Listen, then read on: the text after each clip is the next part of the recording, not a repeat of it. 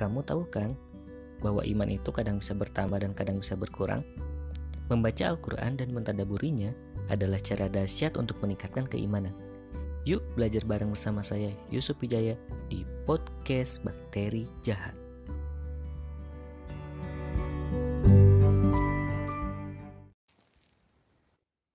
Assalamualaikum warahmatullahi wabarakatuh. Kembali lagi bersama saya Yusuf Wijaya di podcast Bakteri Jahat episode 17. Dan pada kesempatan kali ini saya akan kembali menyampaikan kitab tauhid bab selanjutnya yaitu tentang tafsir tauhid dan syahadat la ilaha illallah. Allah berfirman dalam surat Al-Isra ayat 57 Orang-orang yang mereka seru itu, mereka sendiri mencari jalan kepada Tuhan mereka. Siapa di antara mereka yang lebih dekat kepada Allah dan mengharapkan rahmatnya dan takut akan azabnya, sesungguhnya azab Tuhanmu adalah satu yang harus ditakuti. Dalam surat Al-Zukhruf ayat 26 dan 27, Allah berfirman, Dan ingatlah ketika Ibrahim berkata kepada bapak dan kaumnya, Sesungguhnya aku berlepas diri terhadap apa yang kamu sembah, tetapi aku menyembah Tuhan yang menjadikanku karena sesungguhnya dia akan memberi hidayah kepadaku.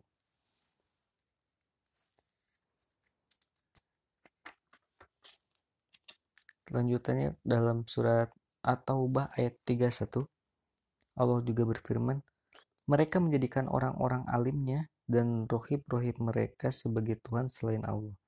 Dan juga mereka mempertuhankan Al-Masih putra Maryam, padahal mereka hanya disuruh menyembah Tuhan yang Maha Esa. Tidak ada Tuhan yang berhak disembah selain dia. Maha suci Allah dari apa yang mereka persekutukan. Dalam surat Al-Baqarah ayat 165, Allah berfirman, Dan di antara manusia ada orang-orang yang menyembah tandingan-tandingan selain Allah. Mereka mencintainya sebagaimana mereka mencintai Allah. Adapun orang-orang yang beriman sangat cinta kepada Allah. Diriwayatkan dalam Sohih Muslim, Nabi Shallallahu Alaihi Wasallam bersabda, Barang siapa mengucapkan la ilaha illallah dan mengingkari sesembahan selain Allah, haramlah harta dan darahnya sedangkan hisab perhitungannya adalah terserah kepada Allah. Keterangan tentang bab ini adalah pada bab berikutnya. Adapun kandungan bab ini menyangkut masalah yang paling besar dan paling mendasar, yaitu tafsir tauhid dan tafsir syahadat. Masalah tersebut telah diterangkan dalam bab ini dengan beberapa hal yang cukup jelas antara lain yang pertama, ayat dalam surat Al-Isra. Diterangkan dalam ayat ini bantahan terhadap kaum musyrikin yang berdoa meminta kepada orang-orang solih. Maka ayat ini mengandung suatu penjelasan bahwa perbuatan mereka itu adalah syirik akbar. Syirik akbar ya. dapat diambil kesimpulan dari ayat dalam surat Al-Isra tersebut bahwa tafsir tauhid dan syahadat la ilaha illallah yaitu meninggalkan apa yang diamalkan kaum musyrikin seperti menyeru atau memohon kepada orang-orang solih dan meminta syafaat mereka. Poin yang kedua, ayat dalam surat At-Taubah, dalam ayat ini Allah menjelaskan bahwa kaum ahli kitab telah menjadikan orang-orang alim dan rohib-rohib mereka sebagai tuan-tuan selain Allah. Dan Allah juga menjelaskan bahwa mereka hanya diperintahkan untuk beribadah kepada satu sembahan, yaitu Allah. Dan itu semua disertai dengan penjelasan bahwa tafsir ayat ini jelas dan tidak dipermasalahkan lagi yaitu mematuhi orang-orang alim dan rohib-rohib dalam tindakan mereka yang bertentangan dengan hukum Allah dan maksudnya bukan berdoa kepada mereka. Dapat diambil kesimpulan dari ayat surat atau ubah tersebut bahwa Tafsir tauhid dan syahadat la ilaha illallah yaitu pemurnian ketaatan kepada Allah dengan menghalalkan apa yang dihalalkan Allah dan mengharamkan apa yang diharamkan Allah. Poin yang ketiga, kata-kata Al-Khalil Ibrahim kepada orang-orang kafir Sesungguhnya aku berlepas diri dari apa yang kamu sembah, tetapi aku menyembah Tuhan yang telah menciptakanku.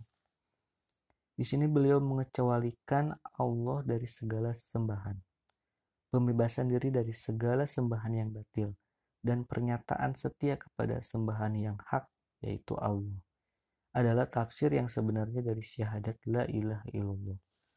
Allah berfirman dalam surat Al-Zuhfur surat Al-Zuhruf ya. Surat Al-Zuhruf ayat 28 wa ja'alaha kalimatu baqiyatan fi akibi la'allahum yarji'un. Dan Ibrahim menjadikan kalimat tauhid itu kalimat yang kekal pada keturunannya supaya mereka kembali kepada kalimat tauhid itu. Poin yang keempat, Ayat dalam surat Al-Baqarah yang berkenaan dengan orang-orang kafir yang dikatakan oleh Allah Subhanahu wa taala dalam firman-Nya wa ma hum bi minan nar dan sekali-sekali mereka tidak akan keluar dari neraka. Disebutkan dalam ayat tersebut bahwa mereka menyembah tandingan-tandingan selain Allah, yaitu dengan mencintainya sebagaimana mereka mencintai Allah.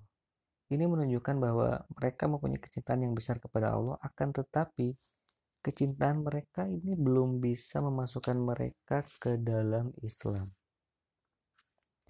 Jadi dari ayat dalam surat Al-Baqarah tersebut diambil kesimpulan bahwa tafsir tauhid dan syahadat la ilaha illallah yaitu pemurnian kecintaan kepada Allah yang diiringi dengan rasa rendah diri dan penghambaan hanya kepadanya. Lalu bagaimana dengan orang yang mencintai sembahannya lebih besar daripada kecintaannya kepada Allah? Kemudian bagaimana dengan orang yang hanya mencintai sesembahan selain Allah itu saja dan tidak mencintai Allah?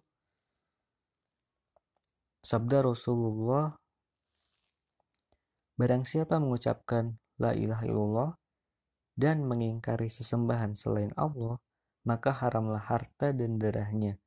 Sedang hisab atau perhitungannya adalah terserah kepada Allah. Ini adalah termasuk hal terpenting yang menjelaskan pengertian la ilaha illallah. Sebab apa yang dijadikan Rasulullah sebagai pelindung darah dan harta bukanlah sekedar mengucapkan kalimat la ilaha illallah itu saja. Bukan pula dengan mengerti makna dan lafaznya. Bukan pula dengan mengakui kebenaran kalimat tersebut. Bahkan bukan juga karena tidak meminta kecuali kepada Allah saja yang tiada sekutu baginya.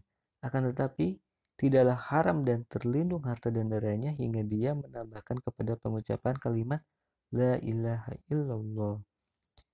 Itu pengingkaran kepada segala sembahan selain Allah.